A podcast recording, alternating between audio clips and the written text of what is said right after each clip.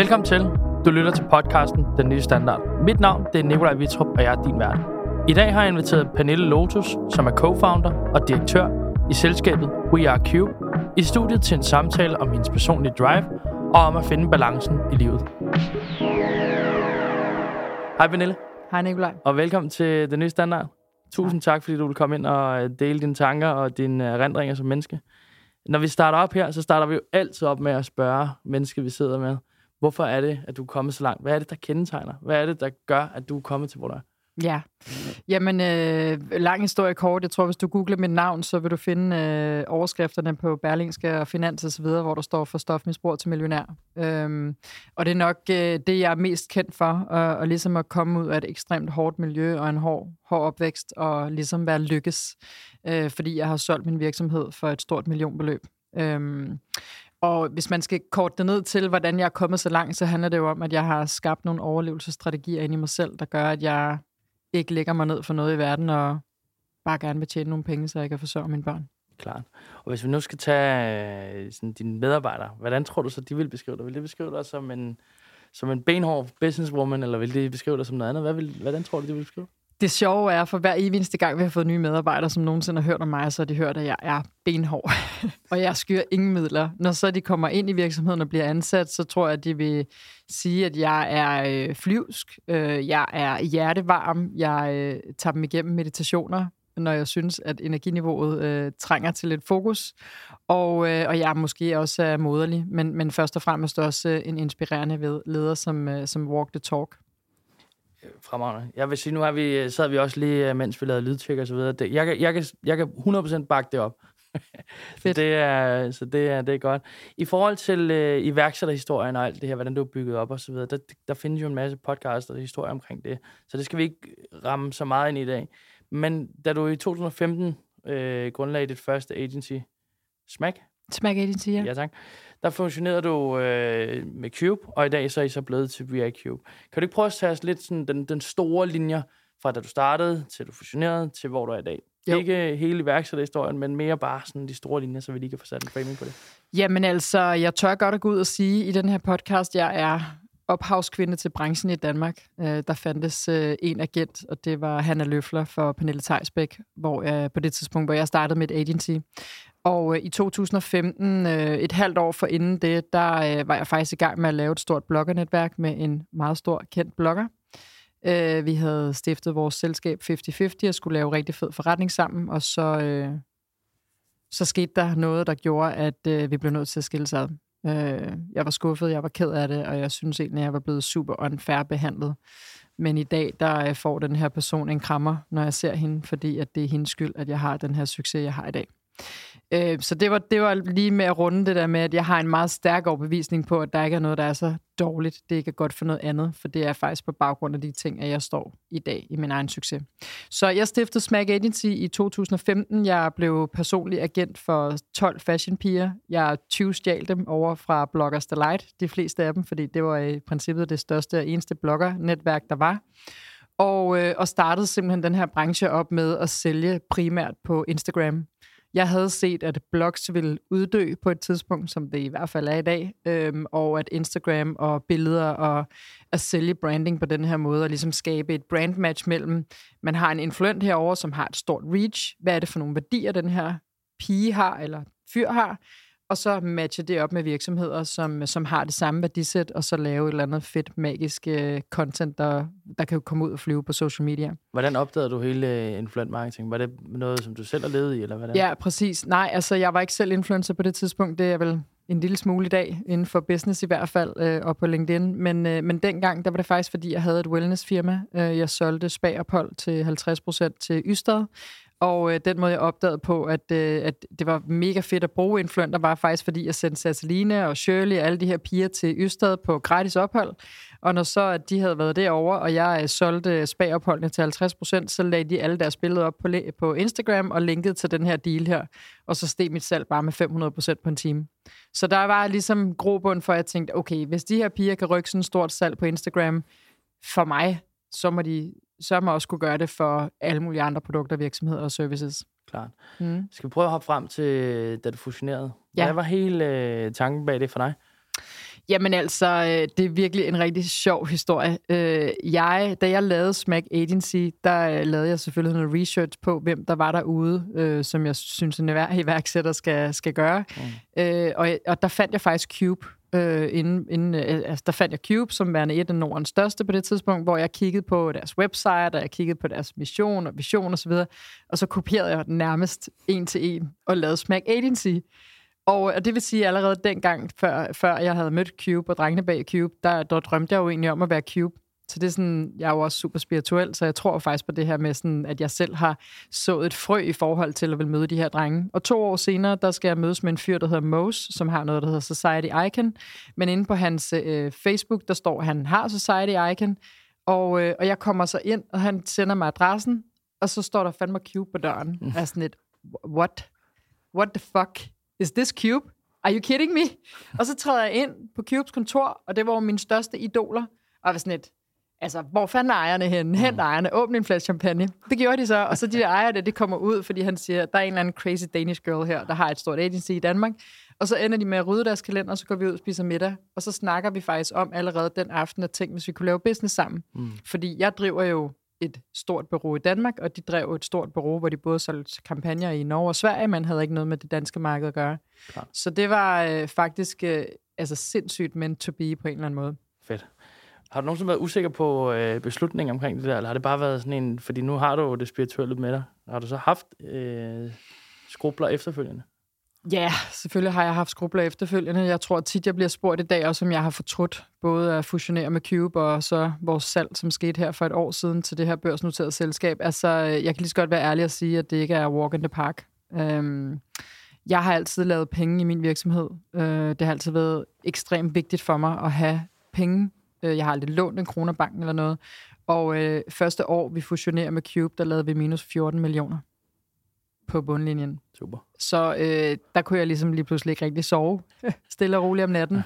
Og, øh, og det var ekstremt hårdt at være sammen med nogle meget ihærdige gutter, som bare ansatte og skulle vækste og kontor til 100.000 om måneden og fyre den af og bare være større, større, større, større, uden ligesom at have hele den her bundlinje fokus med.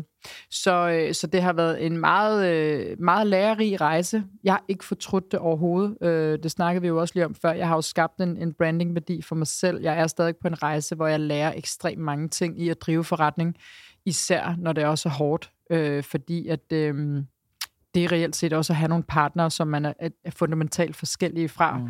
kræver enorm rummelighed og udvikling øh, personligt også. Og så, øh, og så det her med, at jeg har sådan et stort øje for at, at lave penge på bunden, hvor de rent faktisk bare gerne vil vækste på toppen. Det er det gode gamle SAS-game, ikke? Det er ja. bare at være større og større. Ja, præcis. Brænd penge af. Brænd flere penge af. og jeg sidder bare og holder på dem. det, jeg kan huske, at på Book en gang så jeg et øh, foredrag med hvor han sagde, hvis man nogensinde skal bare brænde en masse penge af, skal man bare ansætte en CBS'er. ja, det er så nok meget godt. En CBS'er og så en udvikler og købe nogle cola, og så det, det. det er det. Øhm, nu har du selv været inde på den her med øh, fra stofmisbrug til millionær eller for, til CEO. Øh, og du har jo tidligere fortalt i et øh, interview, at hvis du ikke havde haft et hård en opvækst, så havde du ikke stået, hvor du stod i dag. Kan du ikke prøve at uddybe en lille smule øh, på det, hvad, hvad tankerne bag det var? Jo, det kan jeg sagtens. Jeg har lige, som jeg sagde til dig, siddet og skrevet 11 kapitler om faktisk, hvad det er for nogle overlevelsesstrategier, jeg egentlig har skabt mig naturligt for barns ben i forhold til at være direktør og succesfuld og har solgt min virksomhed i dag. Altså, øhm, først og fremmest, så, øh, da jeg var ung, så øh, voksede jeg op uden min far, fordi min mor og far blev skilt, da jeg var tre år. Og det vil sige, at min mor var alene med først to, og så derefter tre børn. Og det er jo ekstremt hårdt, øh, hvis man kun er ene forsørger til så mange børn. Og det vil sige, at pengene var måske ikke det, som det er i mit liv i dag, i forhold til det opvækst, mine børn har. Og, øh, og jeg oplevede måske, at min mor engang imellem øh, synes, at det ikke var det sjoveste liv i verden. Og jeg tror, at når man oplever det som værende et lille barn, hvor man ikke kan gå ind og hjælpe sin mor, så, øh, så sker der noget ind i kroppen på en, hvor man tænker, at det her, det vil jeg i hvert fald forsøge at gøre alt det modsatte, for at mine børn ikke skal opleve, at ens mor er ked af det og modløs og måske opgivende. Fordi hvis man ens primære forældre er modløse og opgivende, så tror man jo faktisk, at verden går under i morgen. Mm. Øhm, og det var rigtig hårdt for mig, og det vil sige, at jeg jeg på en eller anden måde allerede dengang tillagde en værdi i forhold til at tjene penge som værende det vigtigste for mig. Jeg skulle også øh, være ikke støjende, og jeg skulle være ikke forstyrrende, jeg skulle være et ordentligt menneske, et ordentligt barn, fordi min mor havde nok at se til. Hun fik også kraft, da jeg var 11 år gammel, og jeg styrede økonomien med en lille pengekasse, hvor jeg nøje havde 50 kroner i sådan nogle små blade, hvor der enten var til 30 eller 31 dage, og jeg skulle sørge for, at, øh, eller min storebror og jeg skulle sørge for, at vi havde til morgenmad, frokost og aftensmad, fordi min mor var indlagt på hospitalet rigtig lang tid. Så hvis man kigger på det her udefra, så, øh, så klarede vi den. Øh, vi har klaret den rigtig godt. Vi er faktisk alle sammen selvstændige i vores familie, alle børnene, sjovt nok. Øh, og det er jo helt klart på baggrund af, at der bare ikke var noget, der hed ikke at klare den. Mm. Når man er barn, så, øh, så tror jeg, at man har nogle overlevelsesmekanismer, der gør, at man bare fortsætter, uanset hvor hårdt det er. Så kan man lukke sin sjæl ude på en eller anden måde, og så ligesom forsøge bare at gå i overlevelsesmode. Og det er lidt det samme, der hænger ved, når nu jeg driver forretning uanset hvor mange gange jeg har faldet, så jeg altid rejst mig op igen. Da det her skete med det her bloggerselskab, som jeg havde sammen med en anden forretningspartner, der brugte jeg tre, tre uger på at sunde mig, og så rejste jeg mig op, og så skabte jeg Smack Agency, som nu er det virksomhed, jeg har solgt til et millionbeløb i dag. Fedt. Fordi jeg lægger mig bare ikke ned. Det er en kæmpe evne. Ja, det er, en, det er også ekstremt hårdt, mm. øh, fordi der kan også, så skal man snakke om det her med at skøre nogle midler. Jeg tror ikke, at jeg, jeg har for, for spirituelt til ikke at have karma med mig mm. i forhold til de gange, jeg betræder, når nu jeg driver min forretning. Men de store beslutninger, der skal til, og når der skal laves action og alt muligt mm. andet, det er jeg klar til at eksekvere på, også selvom det kan være ekstremt hårdt. Har du som barn skulle være, øh, det har du så relativt hurtigt blive voksen? Selvfølgelig. Og hvordan, nogle af de ting har du, har du taget med ind i dit arbejdsliv, og hvis I alle tre er selvstændige, så er det jo fordi I på en eller anden måde kan tåle vil jeg gætte på, smerte, og øh, kan tåle den her rejse meget bedre, fordi I har oplevet noget, der i gåsøjne er værre, end det, I alligevel oplever hver eneste dag. Er det sådan, du har det, eller har du det anderledes? Har du noget andet med? Altså, det er et rigtig godt spørgsmål. Jeg, øh, jeg tror ikke, det er nødvendigvis er helt sådan, det hænger sammen. Øh, jeg tror, at, at øh, hvis man taler om smerte i forhold til det at drive virksomhed, så, øh, så kan, kan det sikkert være beskrevet på ekstremt mange måder for forskellige mennesker, fordi vi alle sammen beskriver tingene ekstremt forskelligt. Mm. Men øh, det er heller ikke nogen hemmelighed, at jeg i, i rigtig mange år her faktisk har haft angst, øh, som, som fylder ek, ekstremt meget. Og jo hårdere pres, der bliver lagt på mig i mit arbejdsliv, jo flere millioner jeg skal omsætte for, fordi nu er jeg altså direktør for et mm. selskab, der er ejet af et børsnoteret selskab. Ja. Jo hårdere, kan man sige, presset bliver på mig, jo mere følelsesladet kan jeg både blive, men jo mere kold kan jeg også blive. Så jeg tror, at den måde, jeg har valgt at overleve på i det hamsterhjul, jeg står i i dag, handler om rent faktisk at give plads til alle de steder, hvor jeg er bange. Så jeg bruger for eksempel meditation eller koldt vand eller ekstrem varme saunagus til ligesom at få afladet for de steder, hvor jeg er bange, så jeg er klar til at samle mig selv op og gå på arbejde og tænke, okay, hvis jeg skal være uden følelser og tænke på, hvordan vi løser de her udfordringer. Nu står vi jo i en, i en tid med recession, mm. og der er jo ikke nogen tvivl om, at vi ikke når de targets, vi har sat i år. Vi laver stadigvæk en rigtig god bundlinje, vi har en solid forretning. Men det pres, der ligger på mig i forhold til at leve op til de targets, og for næste år, og strategi osv., der bliver jeg nødt til at kunne rumme mine bange følelser, før jeg kan gå ind på gulvet og stå som direktør og banke mig selv på brystet og være den leder, mm. der skal motivere mine medarbejdere. For ja. jeg kan ikke komme grædende på arbejde og sige, jeg giver bare op. Så forstår du, hvad jeg mener? Jeg vil 100%. sige, der er en helt klart en, en stor del af træning i smerte fra min barndom og min opvækst, men, men der er også rigtig meget i dag med at rumme den smerte, der ligger i forbindelse med at have et kæmpe ansvar for x antal medarbejdere. Er det meget en mindset-ting for dig, det her? Er det noget, som du har, kan, du, kan du formalisere det her, når du har skrevet din bog? Kan du så skrive ned og sige, hvad er det for nogle kompetencer, der har? Hvad er det for nogle ting, der behøves for dig? Ja. Og tror du, det andre, kan andre replikere det, du har, eller er det unikt for dig selv? Jeg tror, at øh, det er virkelig et godt spørgsmål. Du er en fantastisk interviewer, Nikolaj. Øh, hvad hedder det? Der er nogle værktøjer, man kan træne sig selv i. Øh, man kan jo faktisk godt gå i saunagus. Mm. Den saunagus, jeg var i sidst i Roskilde i saunabussen, den blev 130 grader og så blev der bare spillet vikingemusik, som når du går i krig. Ikke?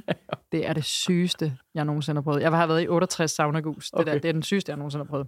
Anyways, så det er jo en måde at træne sig selv på i forhold til, når du sidder i 130 grader. Det er jo et fantastisk eksempel. Mm. Når du kommer ud, du bliver siddende. Du tror, du er ved at blive... Altså, først så brænder det på ørerne, så brænder det i næsen, så tænker du lige om lidt, får jeg vabler over hele min krop, mm. fordi jeg bliver bare forbrændt nu. Altså, 130 grader, det er freaking varmt. Ja, ja, ja, Når du så kommer ud af den der sauna-gus der, ikke? så møder du en eller anden på din arbejdsplads, eller en eller anden på gaden, eller en eller anden, der kører i bil og synes, han har en latterlig mandag morgen og rækker fuckfinger til dig, eller sådan noget, og så er du sådan lidt, øh, ja, jeg har lige været inde og dø i 130 grader. Kan du hygge dig og have en god dag? Fordi mm. det er sådan lidt, nå okay, du kan godt træne dig selv til at være ekstrem overlever, og så bliver du bare et lettere menneske, som ikke synes, at det hele er så farligt, når du kommer ud. Så det er perspektivet, du bruger? Jeg bruger perspektivet. Selvfølgelig har jeg også et, en, en grundlæggende... Øh, jeg har jo et grundlæggende adfærdsmønster inde i mig selv, som handler om meget dybtliggende traumer, som jeg er i gang med at kigge på. Mm. Hvad er det, der gør, at min, øh, min primalhjerne den bliver aktiveret, når jeg for eksempel bliver bange? Så går jeg i action mode. Mm. Jeg kan også godt blive ekstremt kold. Jeg kan godt lukke ned for mine følelser. Og det vil sige, at jeg kan være bedre i stand til at eksekvere i hårde situationer, fordi jeg er i stand til at lukke ned for mine følelser, for jeg stiller mig ikke op og græder. Jeg prøver fuldstændig reelt set udefra set at kigge på, hvad en løsning er for den her situation, fordi jeg skal overleve. Når jeg har lyst til at øh, udfordre en lille smule. Ikke udfordre øh, selve måden, du gør det på, men mere det her med, sådan, du, du snakker meget rundt om, at du skal være skjoldet. Mm. Altså, det, det er ligesom din rolle. Er det, ser du din rolle som værende skjoldet, når du, når du stiller dig så op på, øh, på, øh, på ølkassen? Skal du så vise, at der er så meget styr på det, at alt det, som du har gjort, bagudrettet, saunagus, badet i det kolde vand, øh, mediteret, gjort alle de her ting, for du selv var der, er der. Er det, er, det, er, det, er det en del af din ledelsesstil, det her med at føle, at du skal være hende udad til, som har 100.000% styr på, på alt, før du kommer på arbejde? Nej, det er helt klart det korte svar. Jeg, øh, jeg, jeg har kommet grædende på arbejde, også bare så sent som nu siger jeg sidste år, men jeg har også fået at vide af en medarbejder, at øh, det kunne hun faktisk ikke rumme, fordi okay. hun ville faktisk bare gerne logge på arbejde, uden at skulle samle chefen op. Ja. Øh, og det lærer man jo noget af. Ja. Jeg har altid været ekstremt transparent i min måde at lede på. Jeg har aldrig nogensinde læst en bog om ledelse. Jo, jeg kigger lidt, hvad Brené Brown hun uploader på YouTube, og synes, det er helt fantastisk. Men, øh, men jeg prøver egentlig bare at være et rigtig, rigtig godt menneske. Mm. Og så er jeg bare sådan en, som går i front, helt naturligt. Altså, hvis, hvis det er corona og krisetid, der steg vi 20 procent på toppen. Mm. For sådan, vi må bare ringe nogle kunder op. Ja. Hvem skal vi ringe op i dag? Hvad Præcis. gør vi? Hvordan gør vi det? Så, så jeg er absolut ikke uden fejl. Øh, altså, jeg, og jeg er langt fra perfekt, og jeg aner ikke, hvad, hvad jeg reelt set skal gøre for at stille mig op på ølkassen og være det her fejlfri eksempel, for det er ikke sådan, jeg er som menneske.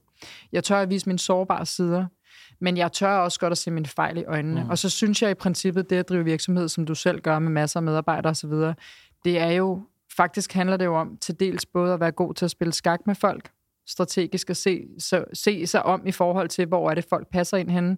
Du skal jo også være motiverende i forhold til at få folk til at performe, der sidder ude bag ved mm. glasvæggen. Præcis. Fordi, og så kan vi snakke om manipulation. Et fantastisk fyr. Jeg har et helt kapitel med det øh, i min bog.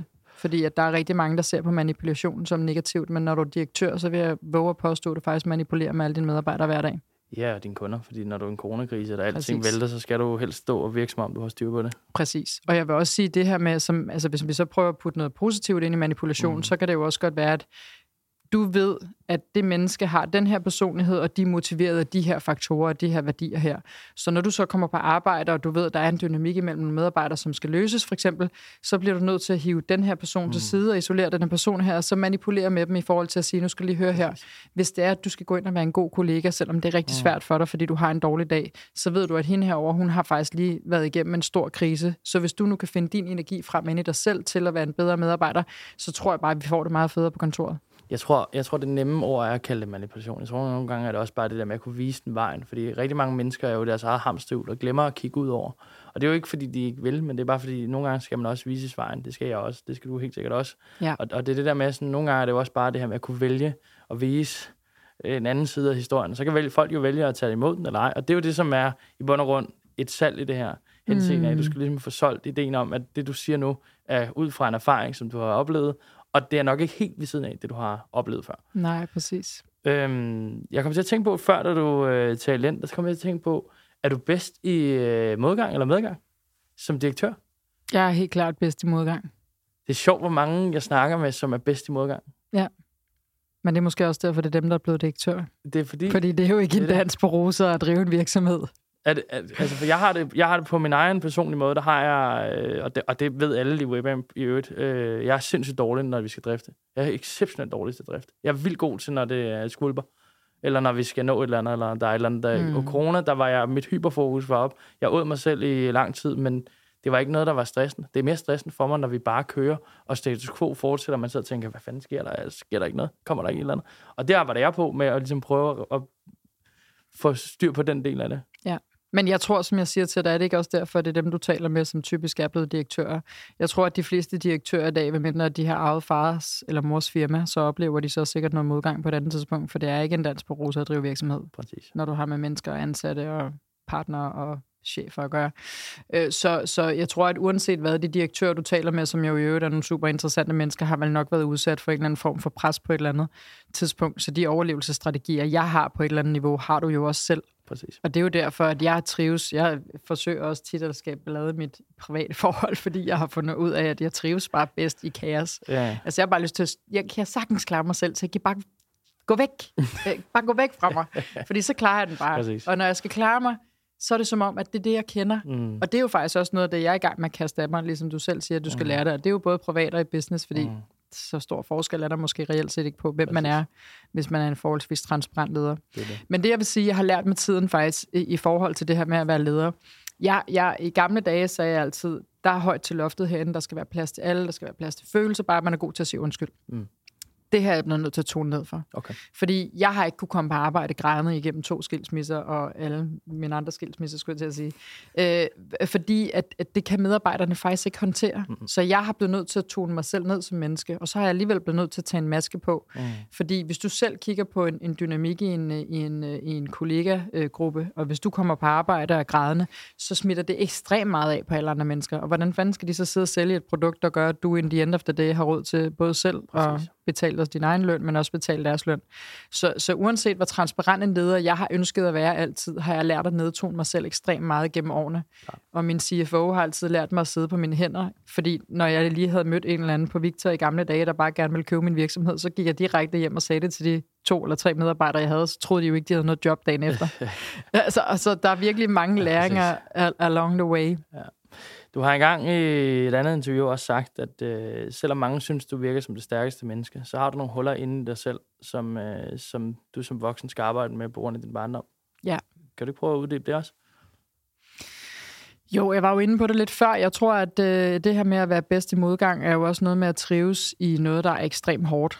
Øh, hvis min mor og far, fra jeg var 0 til 3 år gammel, reelt set ikke havde et særligt velafbalanceret forhold, så er det jo nogle af de ting, som jeg har set som værende normalen i min Mm. opvækst. Og hvis jeg har set det værende normalen, så er det nok også noget af det, jeg trives i.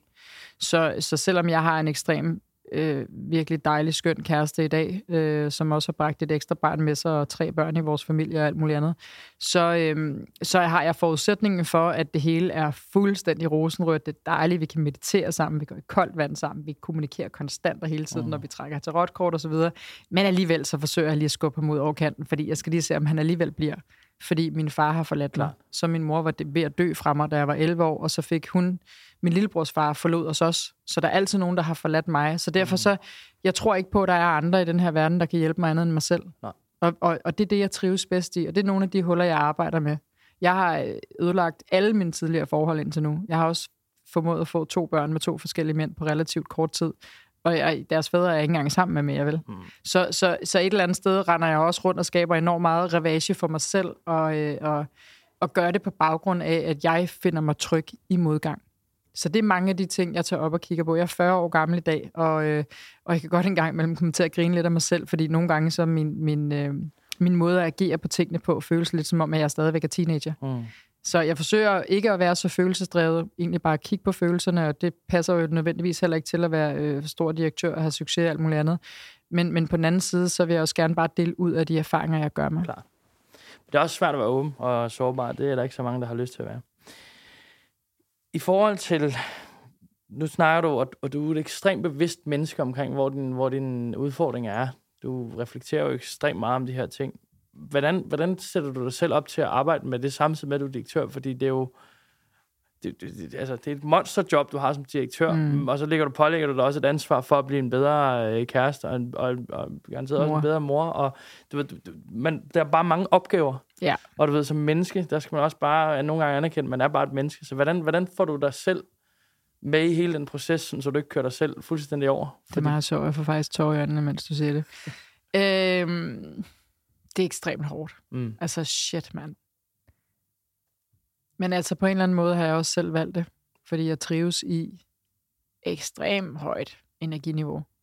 Og det handler også om nogle gange faktisk at erkende tingene og se på de gode ting, der kommer ud af det. Mm.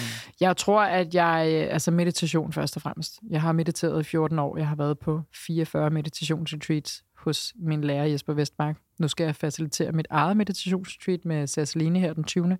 Fedt. For øh, 20. januar for kvinder. Fordi jeg gerne vil, vil dele ud af lige præcis det her, du spørger om, med at sige, hvordan fanden står man i så sindssygt et hamsterhjul, samtidig med, at man skal prøve at udvikle sig selv.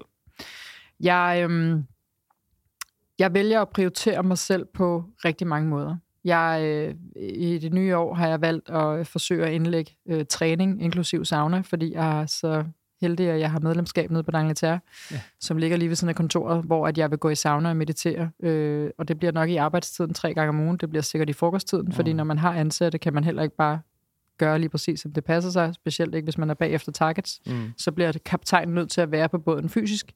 Så, så det her med at lade mig selv op med meditation, jeg går i koldt vand om morgenen, så det vil sige, at nogle gange kan det godt være klokken er 9.25, før jeg er på kontoret, men mine medarbejdere ved, at jeg bliver nødt til at gå ned i ekstremt koldt vand, for rent faktisk lige at stå op og få den energi, der gør, at jeg kommer ind og er en god leder på kontoret. Klar.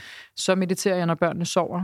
Øh, Jeg har også forsøgt ligesom at sige, at øh, i det tidsrum, hvor det er, at øh, jeg har hentet børnene fra børnehave, og indtil de skal sove, der er jeg kun på min øh, telefon og min mail, hvis det er, at det er ekstremt vigtigt. Fordi ellers så kan jeg jo være på arbejde hele tiden. Mm. Øh, det er jeg, jo, jeg er jo stort set på arbejde hele tiden. Præcis. Det er jo min anden baby. Ikke? Præcis. Øh, så så hvis, jeg har ikke en opskrift på, hvordan man jonglerer i livet som menneske med en kæmpe bagage i opvæksten. Den er jeg slet ikke enig om at have i den her verden. Men jeg kan fortælle dig, at jeg er bevidst nok til at turde være sårbar. Jeg er bevidst nok til at turde og erkende, ikke de fejl, jeg har lavet, men der, hvor jeg føler, at jeg kan blive et bedre menneske, og derved også en bedre leder, og en bedre mor, en bedre kæreste. Og jeg bruger rigtig meget tid på selvudvikling. Mm. Øh, og det er det, der gør, at jeg stadigvæk står i dag. Øh, for det sjove er faktisk, det her med at være lige del spirituel og lige del materialistisk, det er faktisk to modstridende ting. Ja, fordi hvis du er ekstremt spirituel, og du i princippet øh, mediterer så meget, at du lige så godt kunne være øh, munken i Indien, der bare satte sig ned og ikke ejede andet end et på solløse sko. Præcis. Så er det nok, og det er der, hvor du bliver oplyst. Men samtidig kommer jeg også anstigende med min Chanel-taske og alle mulige andre ting. Øh, og jeg vil gerne se godt ud som direktør, og har lige købt de her Chanel-øreringe, fordi min appearance, når jeg skal ud og lave business til flere millioner, Mm. så kan jeg ikke komme i sålløse sko Nej. i orange gevanter. Nej. Så det er egentlig ret interessant det her med at sige, kan du faktisk være 50% spirituel, og kan du være 50% CEO og business og milliondrevet, Mm. og hele tiden gerne vil lave flere penge. Og det er den balance, jeg tror, jeg er i gang med at finde ud af, om kan lade sig gøre. Øhm, jeg synes langt hen ad vejen, at det lykkes, men der er også det, egentlig så det her kæmpe ham, hamsterhjul og ansatte, som øh, øh, både skal høres og ses, og egentlig kræver ekstremt meget energi af en selv. Det kræver jo også, at du har udviklet dig selv så meget, at du har rummelighed til det. Ja. Og, øh, og, og hamsterhjulet kan godt en gang imellem hive dig ud af det. Og det er jo der, der udfordringen står i og med, at du så skal hive dig selv tilbage. Fordi hvis du, hvis du ikke kan svømme, for eksempel, men du bliver ved med at hoppe ud i en, i en bundløs skovsø, Mm. så er det sgu svært at komme ind til bredden, hvis ikke du kan svømme. Præcis. Men, men hvis du samtidig med for eksempel indfører meditation på din arbejdsplads, det er meget sjovt, de ansatte spurgte faktisk, om jeg ville meditere med dem tre gange sidste uge. Fedt. Er mega fedt. Altså super Så fedt. får sat en kultur rigtigt op for dig. Ja, jeg forsøger dem. i hvert fald. Jeg vil ikke sige, at jeg er det perfekte eksempel, men jeg vil sige, at jeg forsøger at gøre så mange ting, som jeg kan, hvor jeg også selv kan dele ud af al min spiritualitet Mm. og min erfaring, fordi jeg vil gerne være ærlig over for mine medarbejdere i forhold til at sige, at det ikke er altid, jeg har svaret på alting. Jeg forsøger faktisk at være et ekstremt godt menneske, når jeg står op om morgenen, og så forsøger jeg samtidig også at være så kontrolleret og kold, at jeg også kan drive en business og lave de penge, der skal til, før at de kan få den løn, som de for eksempel skal have. Klar. Lad os lige hoppe lidt væk fra øh, det drive og spiritualitet, og så lige hoppe over i salget i 2021, som du gjorde for rullende kamera. Ja, Hvordan var det?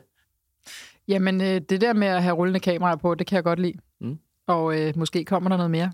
Det kan man jo være heldig at håbe på. øh, men altså, øh, salget af min virksomhed var jo et eller andet sted måske det her checkmark på at sige, at jeg lykkes. Mm. Men samtidig så kom spørgsmålet også ret hurtigt efter til mig selv, er jeg lykkes? Mm. Og hvis nu man spørger en overlever, som har haft en hård opvækst, så vil man jo sige nej. og, Fordi hvornår er nok nok? Det er det, og, og jeg havde, øh, fordi da vi sad og, og, og øh, fik en fik lavet rundown på dig, der var et af mine spørgsmål, som jeg sagde, jeg, efter jeg havde set den DR-serie, der var en af spørgsmålene sådan, er penge lige med succes for dig? Og jeg kender nok godt svaret, men er penge lige med succes? Jeg synes, det er både et ja og et nej. Og det er jo det kompleksitet, der gør det spændende. Ja, det er det. Det er meget spændende. Min kæreste, han udfordrer mig på det hver dag. Han øh, har boet på en bænk og er kommet fra endnu mindre, end jeg er kommet fra. Og står derfor op i dag og er ekstremt taknemmelig for hans liv, hvilket man kan lære rigtig meget af. Øhm, jeg er 100% drevet af penge, fordi det er noget, som jeg ikke selv er vokset op med. Det har været noget, penge har været noget, der har gjort min familie sårbar og udsat og alt muligt andet, og så skal det heller ikke lyde hårdere, end det er, fordi ja. vi havde et, et hjem at bo i, og vi havde penge til at få mad og så videre. Ja. Men en gang imellem var det måske hårdt. Og, øh, og det vil sige, at hvis jeg kan give mine børn en opvækst, hvor jeg ikke er ked af det, fordi jeg mangler penge til mad på bordet i morgen, så vil jeg sige, at penge er en stor motivationsfaktor for mig, og egentlig er en værdi, der fylder rigtig meget i mit liv. Mm jeg er også i gang med at kigge lidt på mit ego i forhold til med det her med at sige, hvornår jeg lykkes? Mm. Fordi jeg kan ikke blive ved med at køre i det her sindssyge tempo, som jeg kører i. Fordi mm. du sagde også selv, du æder noget af dig selv under en coronatid. Præcis. Men et eller andet sted, jo større forretning du får, jo flere penge du laver, jo flere medarbejdere du får. Hvis du sælger din virksomhed mm. nu til et børsnoteret selskab, så det hele bare skal se fuldstændig fantastisk ud for the public side, så skal du bare fucking mande endnu mere op. Mm. Så hvornår er nok nok? Præcis. Og det er der, hvor jeg står imellem lige nu og sådan tænker, er jeg lykkes? Jeg vil sige, min rejse med min virksomhed, det at drifte, det at fusionere. Det var, altså, var jo sindssygt at fusionere. To selskaber havde jeg i Danmark. Det tog et år og kostede 512.000 i advokatregninger. Ikke? Og vi var så uenige om alting. Og så bagefter, når man så har fusioneret, så skal man give hinanden hånden og en krammer og sige, nå fedt mand, så kører vi bare dagen efter. Ikke? Mm. Meget lærerigt øh, også på det personlige plan. Nu har vi solgt vores virksomhed til et børsnoteret selskab. Aktiemarkedet er helvedes til, og der er et kæmpe hårdt pres på hele tiden. Ikke? Så, så øhm, jeg ved ikke engang, hvad dit spørgsmål var. Jeg har tabt mig selv i, i, i tråden. Vil du lade mig stille nyt? Ja, kommer bare med det. Vi kører fra højre til venstre og alt muligt. Men det, jeg, jeg synes, du holder dig relativt godt i, i det, jeg ønsker mig at få ud af det her. Det er øh, godt. Karrieremålet har du også udtalt om, at det var at blive millionær. Ja. Og det har du i bund og grund, i hvert fald om ikke andet i papirpenge, jo opnået. Ja, præcis. Så hvad så nu?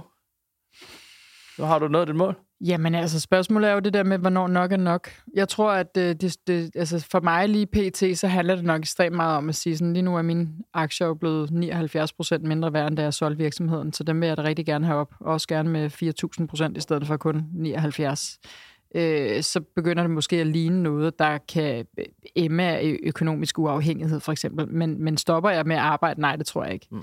Jeg har også overvejet det her med, nu skal jeg jo selv facilitere et meditationsretreat, fordi jeg godt kan lide at være en inspiration inden for mod øh, for, for kvinder alle i princippet, men lige nu er det her til kvinder. Så, øh, så uanset hvad for en forretning, jeg vil kaste mig over i fremtiden, om det er at drive et retreat-sted, eller om det er at være mentor for, for iværksætterkvinder osv., så, så vil jeg altid drive det til en succes. Jeg vil også altid drive det til at tjene penge på det, fordi sådan tror jeg bare, jeg er som mm. menneske. Og der, der er jeg ikke fodformet og spirituel nok til bare at sætte mig ned på gaden på en ølkasse og sige, nu har jeg nok. Så jeg vil stadigvæk fortsat være drevet af at tjene penge. Og ja, hvad er nok? Det tror jeg er svært at svare på. Det kommer an på også, hvor mange penge du bruger. Mm. Jeg har et relativt øh, højt forbrug, fordi jeg bor i en lejlighed i København K, mm. og jeg har to børn, der er hjemmeboende, og det vil sige, at de skal have hver deres værelse, og jeg bor i en lejelejlighed. Det koster mange penge.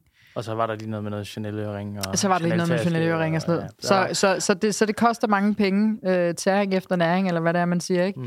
Men, øh, men kunne jeg leve for mindre? Ja, det kunne jeg godt. Er jeg interesseret i det? Nej, det er jeg ikke nødvendigvis. Så, øh, så vil jeg gerne tjene nogle flere penge? Ja, det vil jeg gerne.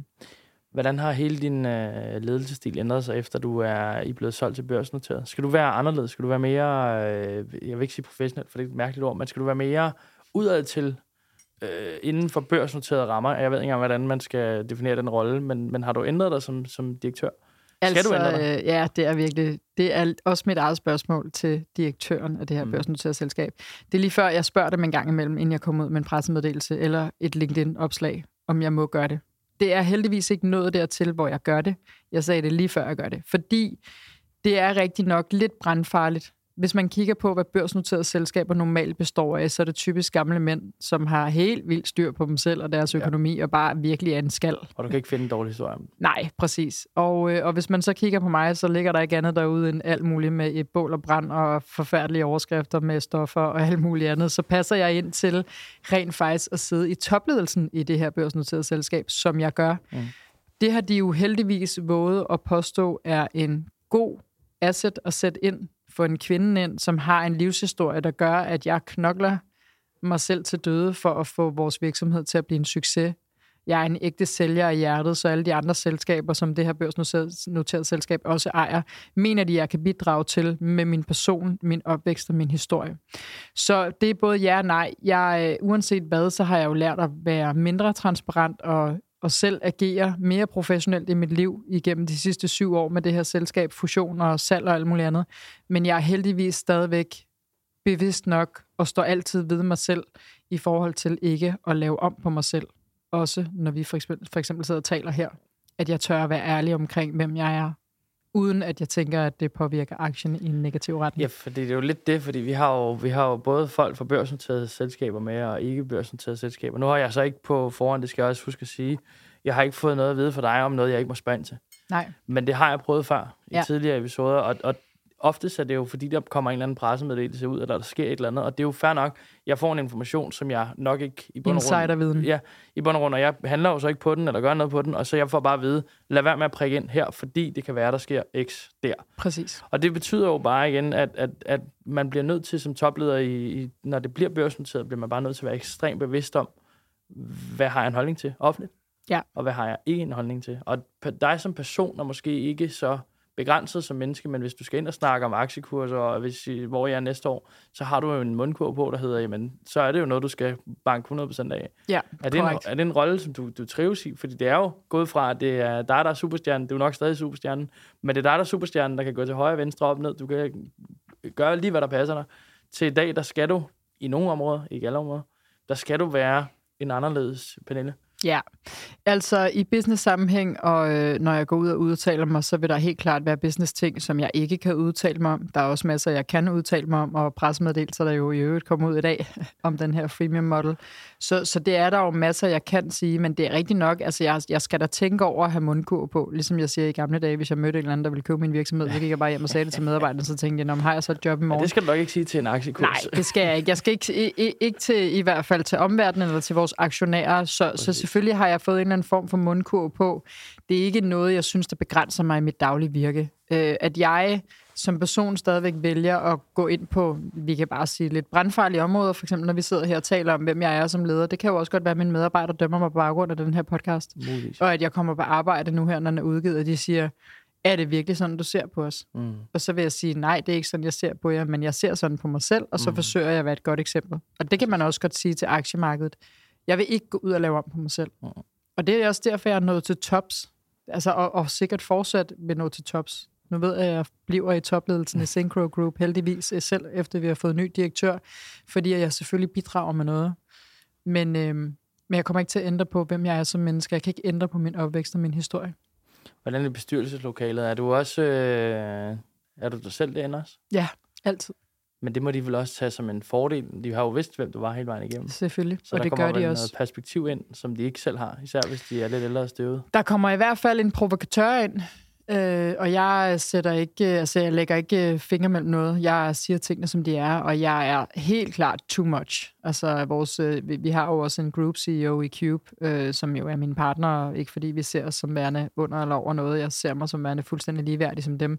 Men han sagde til mig i går, at, øh, at de ansatte, som vi har oppe i Sverige, fordi jeg skal begynde at indgå lidt, lidt mere i det svenske management team også, for at være med til at drive noget større salg og åbne nogle europæiske døre, at han sagde, at de kvinder, der sidder deroppe, som fylder 95 procent, der er ingen tvivl om, at de ser mig som værende en super inspirerende leder, og en gang imellem synes de, jeg er lidt for meget. Ja. Men altså, super inspirerende mennesker vil nok altid være lidt for meget alligevel, en gang imellem. Altså, der er jo noget med, med svensk kultur, der er en del anderledes i forhold til... oh yes. Selvom vi er naboer, så er der godt nok øh, nogle ting, der ikke er er, er som det skal være herhjemme. Eller som, Vi er meget, meget, meget forskellige. Ja. Sindssygt forskellige. Hvis jeg blev direktør for det svenske selskab, så tror jeg, at 80 procent af de ansatte vil sige op inden for en måned. Ja, ja, så hurtigt. vil de synes, jeg var så ekstremt hård. Men er der ikke også nu, og det er jo kun en antagelse, jeg har, men er der ikke også noget med, med svenske mennesker generelt, svenske ledelsesmennesker? Der, der skal meget fakta på banen. Der er ikke så meget føling. Med til, altså, du ved, det er ikke en følelse, vi agerer på i Sverige, mere end i Danmark, hvor vi kan sige, at vi føler, at vi skal til højre. Selvfølgelig er det lidt svært i så det er med på. Men i Danmark kan man godt bygge en virksomhed på en følelse. Jeg ved godt, de har kæmpe virksomheder i Sverige. Men Ja, jeg tror, hvis jeg skal prøve at klarlægge de kulturelle forskelle, som jeg ser nu her, efter at jeg har været partner i et, med, med svensk headquarter, mm-hmm. så er det, at jeg synes, at man, øh, man, er, man er bedre til at øh, kigge på de blødere værdier inden for kultur og vision osv., hvor at vi er lidt bedre til at eksekvere på tingene i Danmark. Så, øh, så jeg vil sige, at vi måske endda mere vikinger hernede i forhold til sådan at bare være ekstremt målrettet og gå efter tingene. Mm. Hvor at man, man oppe i Sverige, der er man god til at bygge den her store idé og bruge lidt ekstra tid på det. Og I lige sådan tænke sig en ekstra gang om, før man eksekverer. præcis. Og i Danmark, der kommer execution bare first. Move fast and break things. Yes. Ja, tak. I bagsiden af medaljen, der er jo et fast, øh, fast holdepunkt. Nu vil jeg sige, at du har delt så exceptionelt meget øh, information, også givet meget af dig selv, så tusind tak for det i første omgang. Øh, nu har du været i gang som selvstændig i 17 år. Ja. Du har haft øh, 13 CVR-nummer, og så kan jeg støve en enkelt konkurs frem. Ja. Øh, det er jo exceptionelt mange CVR-numre på en relativt kort øh, periode. Er det, fordi du er exceptionelt... Nu har jeg ikke historikken på. Der er garanteret en, en, Ja, ja. en rejse igennem dem alle sammen, og hvorfor de var der. Men har du, har du været... Har du altid vidst, du skulle være selvstændig? Har, du, har, du, har, det, har det bare været det? Ja, det har helt klart bare været det. Altså nu har jeg jo været vant til at styre økonomien sammen med min storebror, more or less, siden jeg var 11. Min Mm. mor var hjemme en gang imellem, og var så også ude at rejse og boede på Hawaii noget af tiden og så videre. Så, så jeg tror bare, at det her med at være blevet gjort hurtigt voksen, huller i mit system eller ej, Mm. det har jo givet mig en fordel i, at jeg skulle drive min egen forretning, og jeg skulle forvalte min egen økonomi, og jeg skulle bare... Jeg ved, der var ikke... Altså, hvem fanden skulle bestemme over mig? Mm. Det- Jeg har ligesom altid bestemt over mig selv, altså siden jeg var 11. Så, så jeg tror egentlig, at det her med at være super serieiværksætter, som jeg ser det, det handler jo bare om at turde agere på, at alt, hvad jeg kommer i tanke om, jeg synes er en fed idé, det har jeg mod nok til at tør at eksekvere på, fordi der er ikke nogen andre, der gør det. Klart. Så hvis jeg skal have mad på bordet i morgen, så handler det om at eksekvere. Ja, du kan garanteret heller ikke lade være. Og så vil jeg sige, når først du er i gang som iværksætter, det tror jeg da også selv, du kan genkende det til. at Der er ikke kort, altså der er ikke langt mellem de gode idéer. Nej. Jeg, jeg synes jo nærmest, jeg kunne lave en ny forretning hver dag. Ja, Det, det, det, det. Jeg er ikke sikker på, at alle vil gå lige godt, fordi man nogle gange som iværksætter tænker, man, det, det, det kan man godt løse, og så glemmer man lige, at man lige har været igennem x antal år, Jeg har jo også brændt min naller og gået konkurs, så jeg har brugt, jeg ved ikke, altså jeg tror, jeg har tabt 600.000 investeringer også i løbet af de sidste fire år. Så altså, der, der er masser, jeg selv tror er en skide god idé, som viser sig at være den største fadese. Men det lærer man jo også af. Det det. Man lærer jo faktisk der, hvor det er, man fejler. Har du, øh, hvis jeg skal lave dig en one-liner, ikke? Yes. har du så et godt råd, som du vil, du vil give videre? Jamen altså, hvem er det, der lytter med? Er det folk, der gerne vil være iværksættere, eller hvad er det? Voksne mennesker, der bare gerne vil have et godt livsråd, eller skal jeg bare komme med begge dele? Jeg tror, du skal komme med begge dele. ja. Du har garanteret en til hver. Jamen altså, øh, jeg tror, at øh, det her med at træde ind i, øh, i næste æra i forhold til virksomheder, der er sket ekstremt meget med virksomheder og ansatte og kultur efter corona. Øh, det er nærmest svært at samle folk på kontoret. Jeg tror, det handler om, at man som leder skal være rigtig god til at kigge ind i sig selv. Jeg tror, man skal være et ledende eksempel, og så rent faktisk walk the talk. Øh, fordi hvis man taler om at være en bæredygtig leder, der gerne vil sende medarbejdere videre i en bedre stand, end da man fik dem, så skal man virkelig også være i stand til at arbejde med sig selv. Mm. Og det er jeg uanset hvad jeg fortaler for. Fordi det nytter ikke noget at stå i et hamsterhjul og bare tjene nogle flere penge, for det bliver du ikke glad af. Og når det er, at du er lykkes, uanset hvor mange millioner du tjener, øh, så ved man også, at hvis folk ikke har arbejdet med sig selv along the way, så føles det som det største mavepuster overhovedet at have solgt sin virksomhed og stå tilbage med et eller andet bagefter, hvor man måske føler et tomrum. Så at arbejde med sig selv, øhm, og i forhold til iværksætteri, der vil jeg også sige det samme. Det er en god idé at arbejde med sig selv, øh, men, men om ikke andet, så tror jeg også, at man virkelig skal erkende, at man fejler så ekstremt mange gange på vejen, og man skal ikke miste modet. Altså, man skal bare ikke give op. Viljestyrke og mod må være keywords til success øh, i forhold til iværksætteri. Fantastisk. Og i forhold til det sidste spørgsmål for i dag. Fremtiden for Cube. Og dig? Har nogle ord på det? Øh, ja, altså jeg sidder jo fortsat i en af de mest eksplosive brancher, der findes øh, nu her, som vi rundede før. Så i dag går vi jo ud med en øh, freemium-model af vores SaaS-platform, og det vil sige, at vi tager hele Spotify-tankegangen og giver det gratis væk til kunderne, så længe at de betaler den lille altså influenterne mm. i sidste ende. Så vi rykker ind i en SaaS-liga, øh, hvor det handler om, øh, om at mixe mennesker med tech, øh, og det synes jeg er ekstremt spændende, fordi det er sådan næste trin op af, af den her business-rangstige her. Jeg vil gerne ud og revolutionere verden, som jeg synes, jeg har gjort hele tiden i forhold til influencer marketing. Vi er super agile, øhm, og det er noget af det, der gør, at jeg stadigvæk har gejsten her på 8. år i min virksomhed, og sagtens kan se mig selv sidde i den her branche, fordi influenter, de får bare flere og flere følgere, og der mm. kommer bare flere og flere platforme, og inden for de næste to år, så er der sikkert en eller anden, der har lavet en bil, som så bliver solgt i et influencer-navn eller et eller andet. Ikke? Og sådan fortsætter verden bare, så der bliver ikke mindre en business i min branche, og derfor tænker jeg også, at jeg bliver.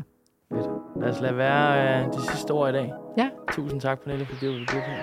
Selv tak, Nicolaj.